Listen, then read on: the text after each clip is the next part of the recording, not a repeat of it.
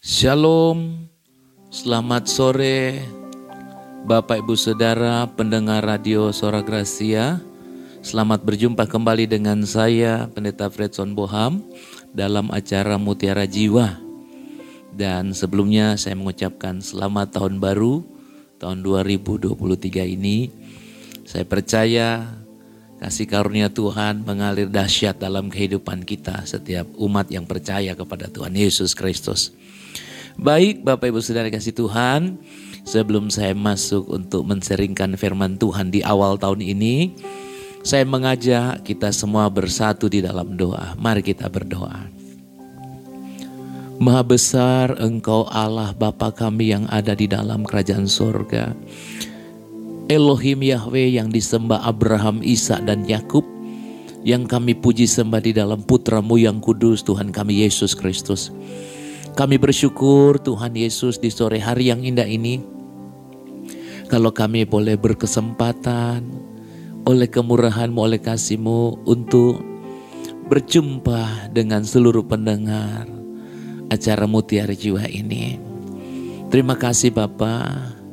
Hamba percaya melalui siaran ini kami semua diberkati, yang sakit disembuhkan, yang lemah dikuatkan, yang susah diburkan, yang terikat dilepaskan, dan yang berdosa diampuni.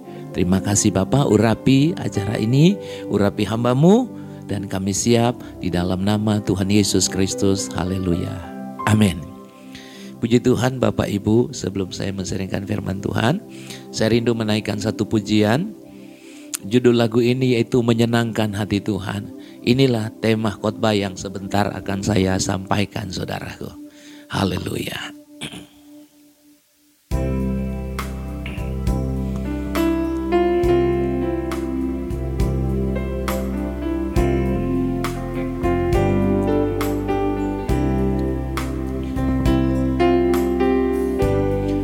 Menyenangkan hati Tuhan lebih dari segalanya Disingkatnya hidupku kesempatan berharga karena anugerahmu. Di renungan hati ini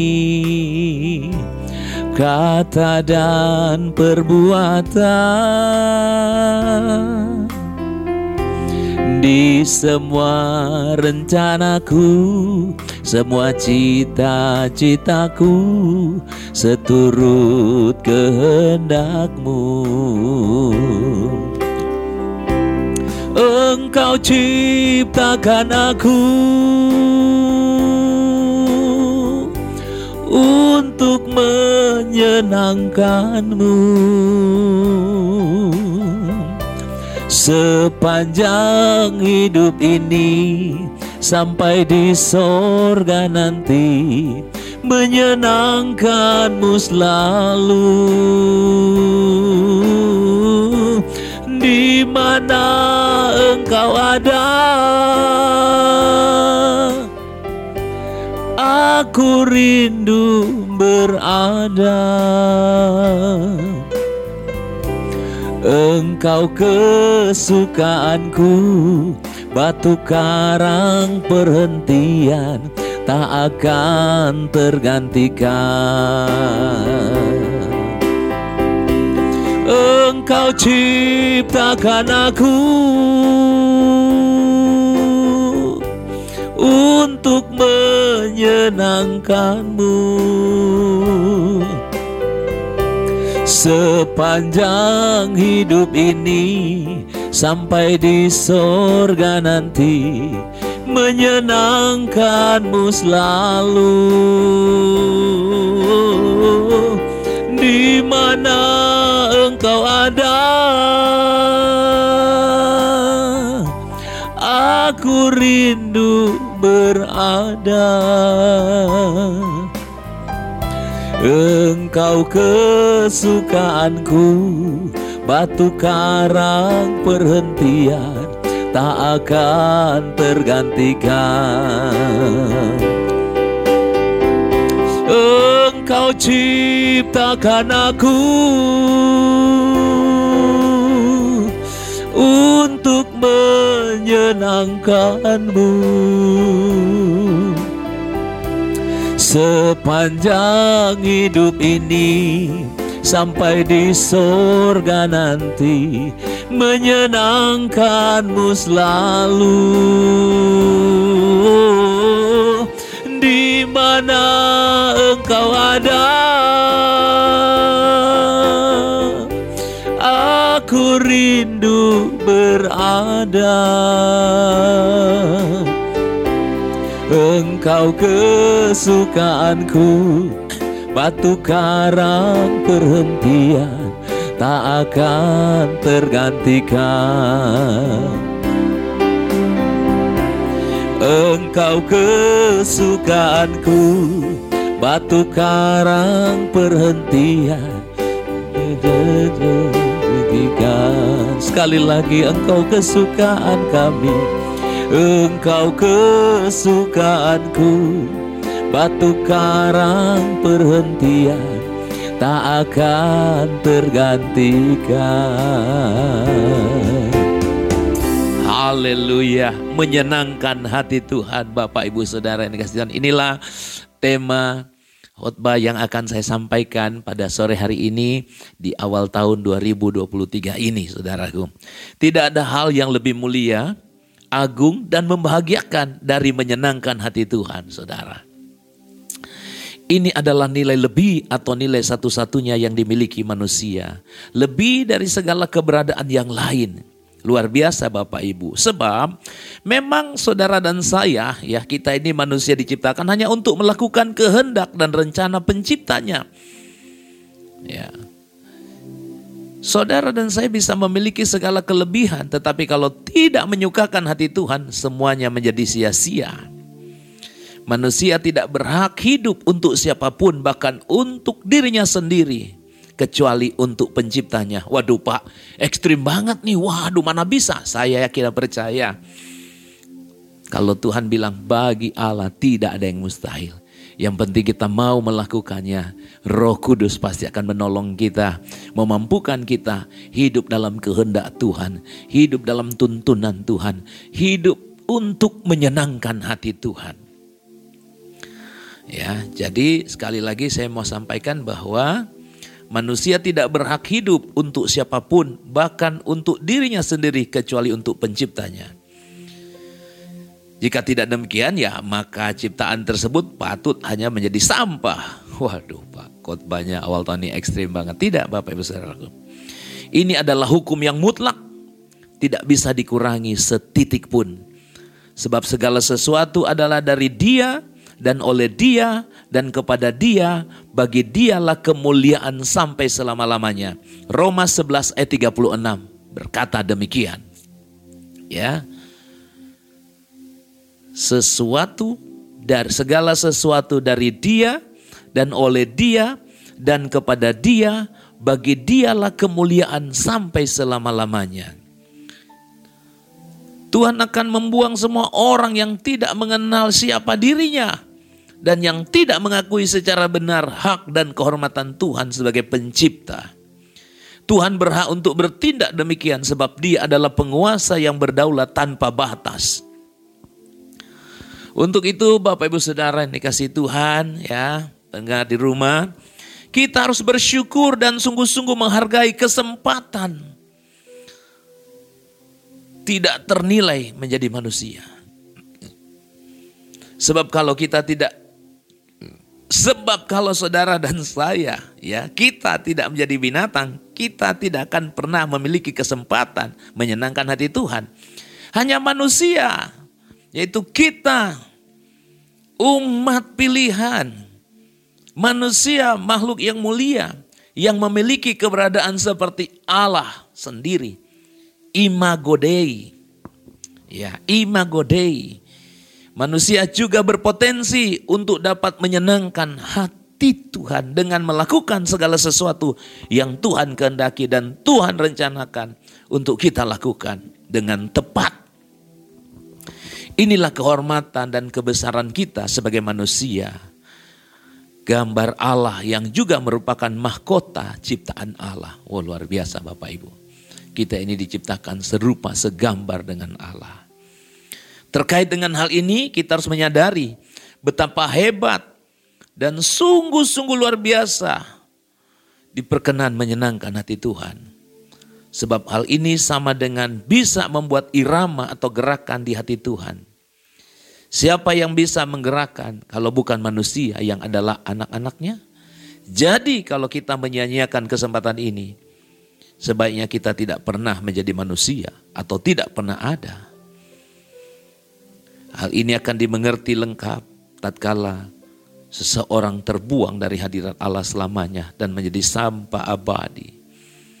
Ia menyesali mengapa dirinya pernah ada di bumi ini. Penyesalan selalu datang belakangan.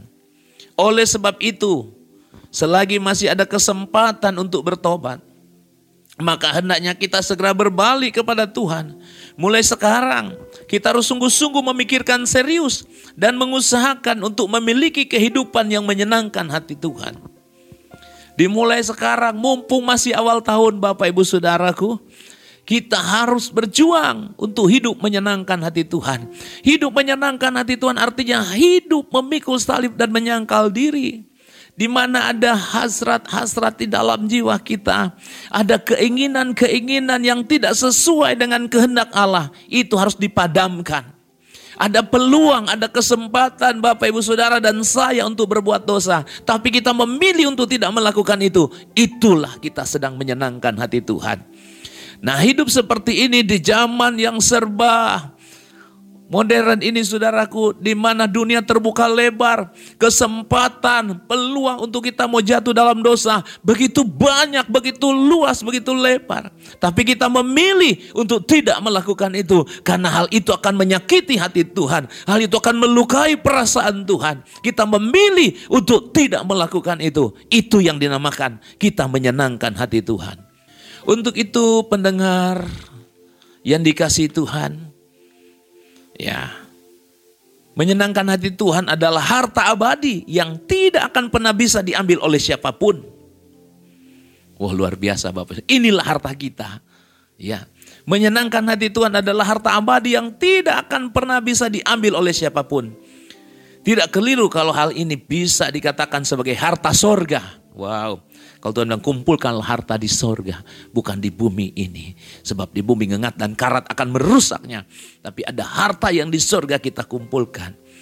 Ternyata Bapak Ibu menyenangkan hati Tuhan itu adalah harta kita. Hidup berkenan di hadapan Tuhan. Hidup menyukakan hatinya Tuhan, itulah harta kita. Sebab Tuhan tidak akan memperkenan orang yang tidak menyukakan hatinya masuk ke dalam kerajaannya. Orang kaya, kita lihat di dalam Lukas pasal 12 ayat 16 sampai 21. Kita lihat sebentar.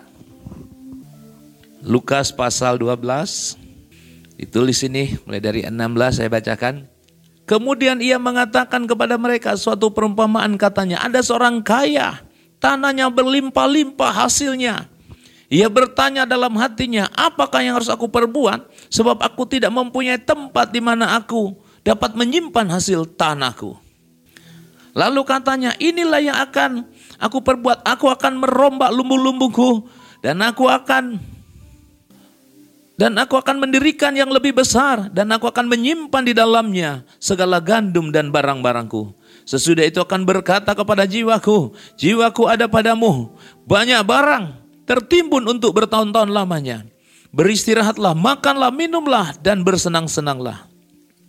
Tetapi firman Allah kepadanya, Hai engkau orang bodoh, pada malam ini juga jiwamu akan diambil daripadamu. Dan apa yang telah kau sediakan untuk siapakah itu nanti? Demikianlah jadinya dengan orang yang mengumpulkan harta bagi dirinya sendiri, jikalau ia tidak kaya di hadapan Allah. Wow, Bapak Ibu Saudaraku, kisah ini menggambarkan orang yang hidup hanya untuk kesukaan sendiri ia sibuk dengan segala cita-cita dan keinginannya tanpa mau mengerti bagaimana seharusnya menyenangkan hati Tuhan. Akhirnya ia mati dalam keadaan tidak kaya di hadapan Tuhan.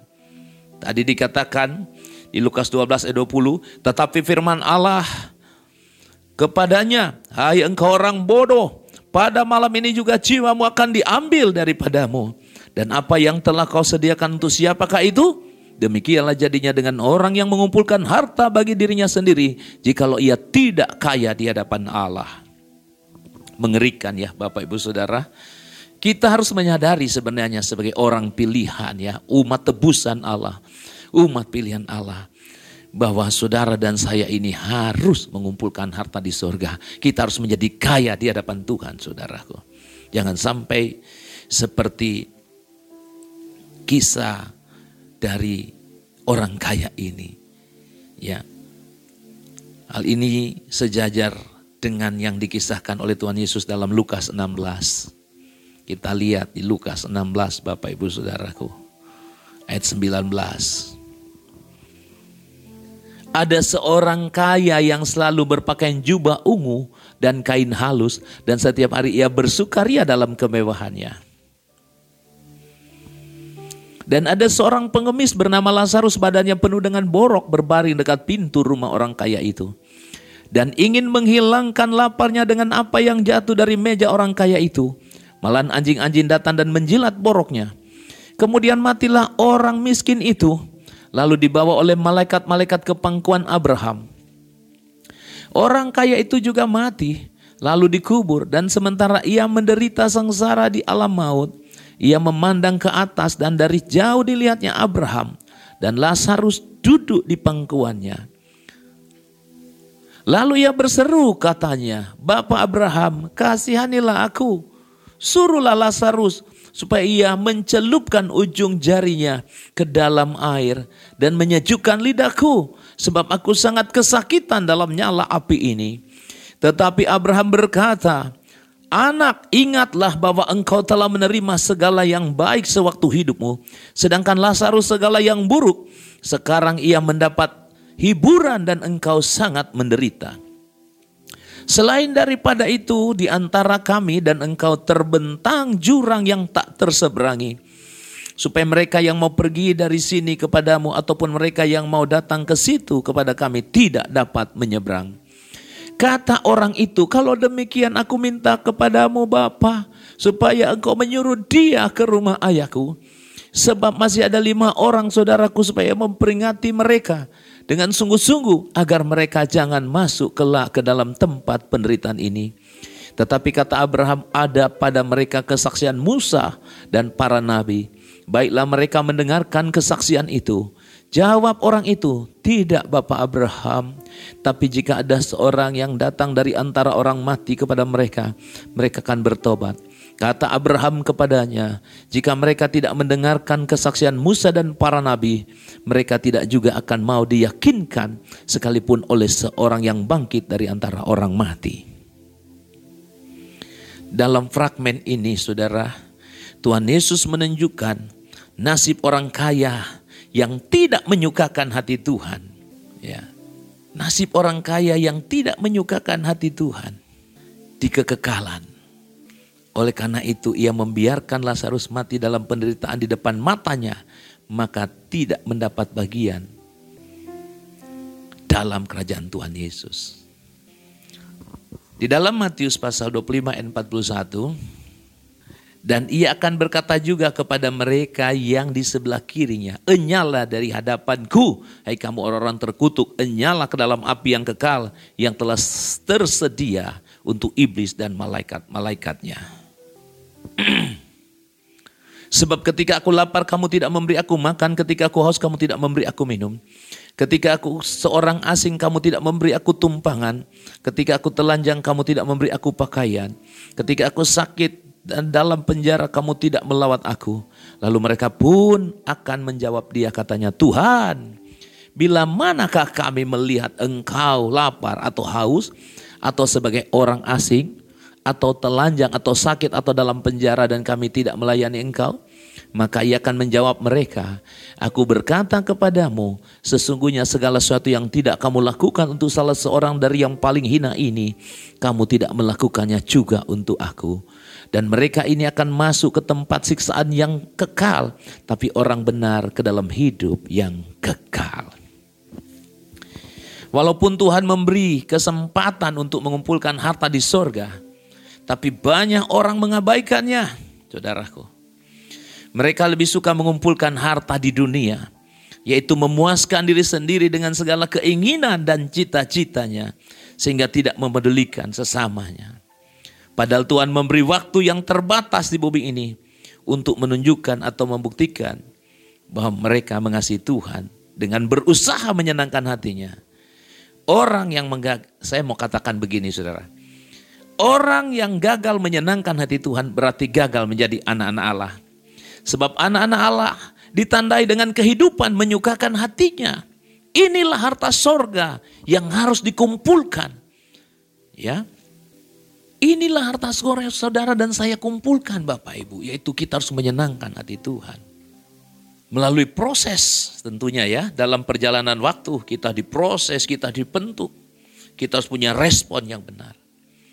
Nah proses maksudnya adalah adanya tahapan-tahapan perubahan dari sikap hati. Menyukakan hati sendiri kepada menyukakan hati Tuhan. Sikap hati menyukakan diri sendiri ini tidak mudah diubah karena sudah berakar lama. Waduh nggak gampang saudara. Saya pun sampai sekarang belajar terus.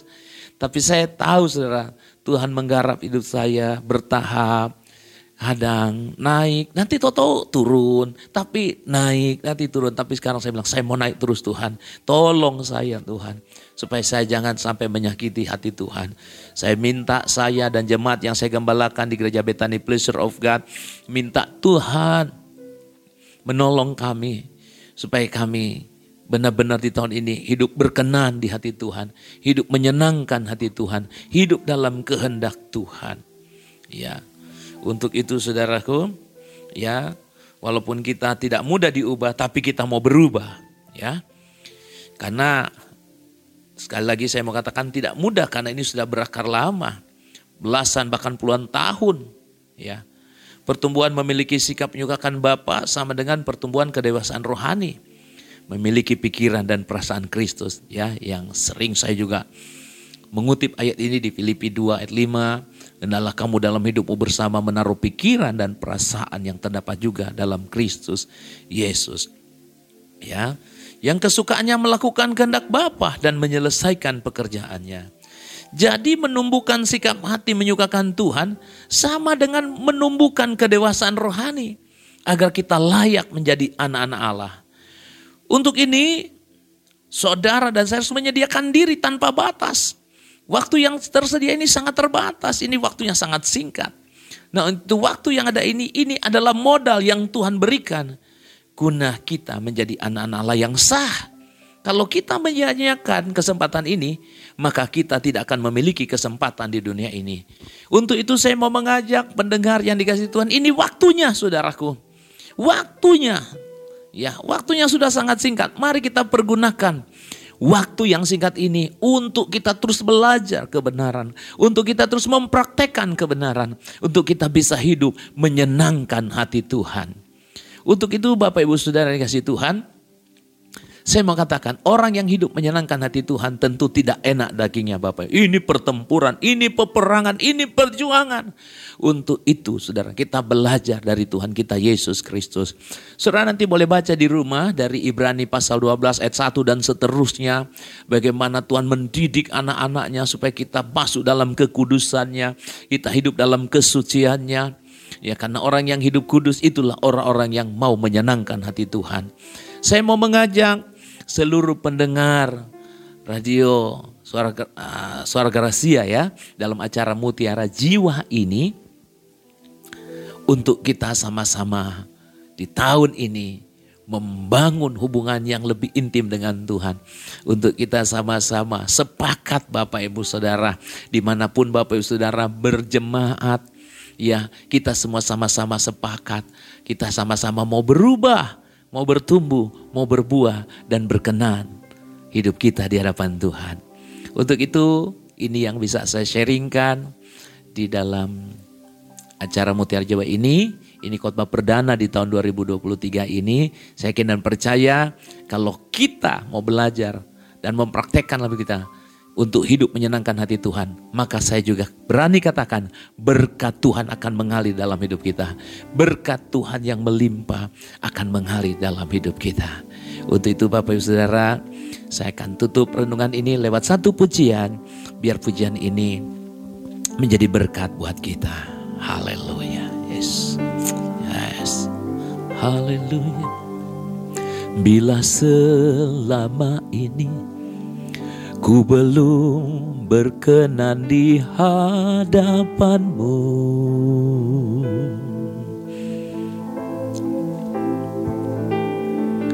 Tak ku lakukan kehendakmu Tak ku penuhi rencanamu Bapa.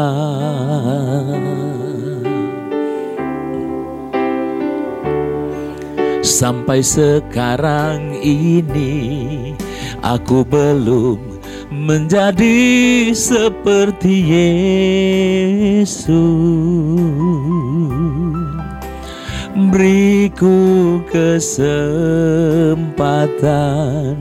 di sisa waktuku kau ubahkan. Satu yang ku perlu Ku mohon padamu. Sempurna seperti Bapa Karena dengan Yesus Teladanku.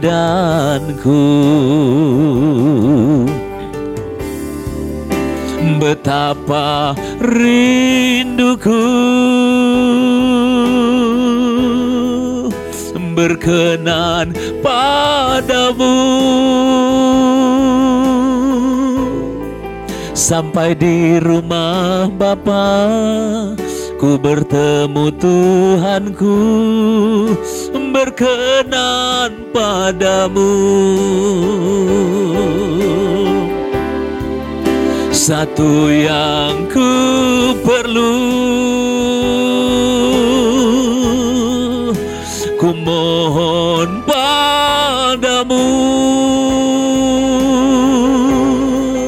Sempurna seperti Bapa Serupa dengan Yesus Teladanku.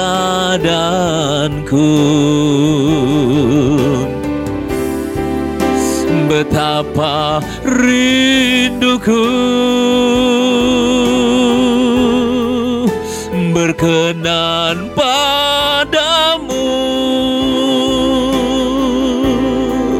Sampai di rumah Bapa. Ku bertemu Tuhanku Berkenan padamu. Oh, oh, Satu yang ku perlu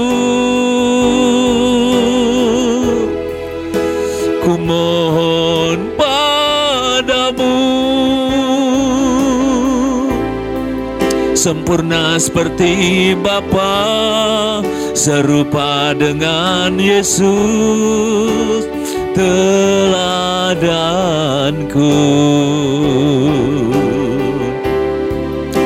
Betapa rinduku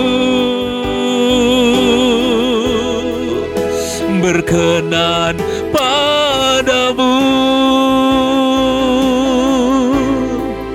Sampai di rumah Bapa Ku bertemu Tuhanku Berkenan padamu.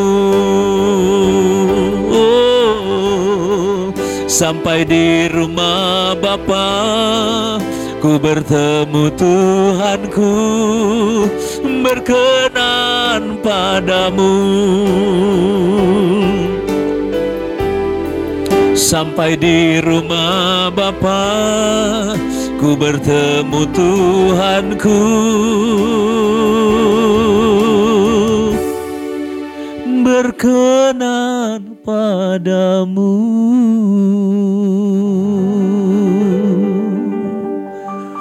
Bapak Ibu Saudara yang kasih Tuhan Yesus Kristus, model hidup seperti apa yang menyenangkan hati Tuhan? Model hidup seperti Tuhan kita Yesus Kristus. Dialah prototipe yang benar, yang harus kita teladani, yang harus kita ikuti jejaknya. Itulah namanya kita mau hidup menyenangkan hati Tuhan. Saudaraku, mari saya mengajak sebelum saya pamit undur dari saudara, saya mengajak kita berdoa. Bapa Surgawi, Tuhan terima kasih Hamba mohon firman ini dimateraikan dan kami semua yang mendengarkan acara ini diberi kekuatan, diberi kuasa untuk kami mau bangkit, untuk mau hidup bagi Tuhan, hidup untuk kepentingan Tuhan, hidup untuk menyenangkan hati Tuhan. Dan hamba berdoa seluruh pendengar yang mendengarkan acara ini diberkati Tuhan, dibangkitkan rohnya. Tahun 2023 ini, tahun kebangkitan. Kami mau bangkit dan setiap belenggu dihancurkan kami mau hidup untuk kesenangan Bapa. Terima kasih Tuhan berkati Radio Suara Gracia, kru-kru yang ada Tuhan memberkati. Kami mengangkat tangan kami berdoa khusus buat hambamu, Ibu Pendeta Nani Susanti. Tuhan terus memberikan kekuatan, sukacita, damai sejahtera, panjang umur kesehatan. Sehingga dia terus melayani Tuhan terus menyenangkan hati Tuhan, menjadi berkat dan banyak orang diberkati. Nama Tuhan dipuji, ditinggikan dan dimuliakan. Terima kasih banyak Bapak. Kami kembalikan segala hormat, syukur, kemuliaan bagimu di tempat yang maha tinggi. Demi nama Yesus kami berdoa, kami bersyukur. Haleluya. Amin. Puji Tuhan. Tuhan Yesus memberkati kita semua. Terima kasih. Haleluya. Amin. Baik Bapak Ibu Saudara, uh, sebelum saya pamit undur saudara, ada pengumuman yang saya sampaikan bertalian dengan kegiatan di gereja kami, Gereja Bethany Pleasure of God yang beralamat di Jalan Lemah Wungkuk 132. Kami menyelenggarakan ibadah raya minggu dua kali, pukul 8 pagi dan jam 10.15 disertai dengan sekolah minggu. Dan ibadah tengah minggu yaitu hari Kamis kami ada worship naik, tapi sementara ini kami ganti dengan doa malam ya. Kami memuji menyembah Tuhan dari jam 7 malam sampai selesai. Jadi tidak dibatasi waktunya, kadang bisa sampai jam 10 malam. Dan kami melihat banyak mujizat terjadi di sini. Hari Sabtu jam 5 pagi kami ada doa fajar. Hari Selasa dan Kamis ada doa pondok Daud jam 6 pagi. Ya, hari Sabtu jam 6 sore ada ibadah yud, ibadah kaum muda. Dan ini saja pengumuman yang boleh saya sampaikan. Terima kasih atas perhatiannya. Tuhan Yesus memberkati kita semua. Amin.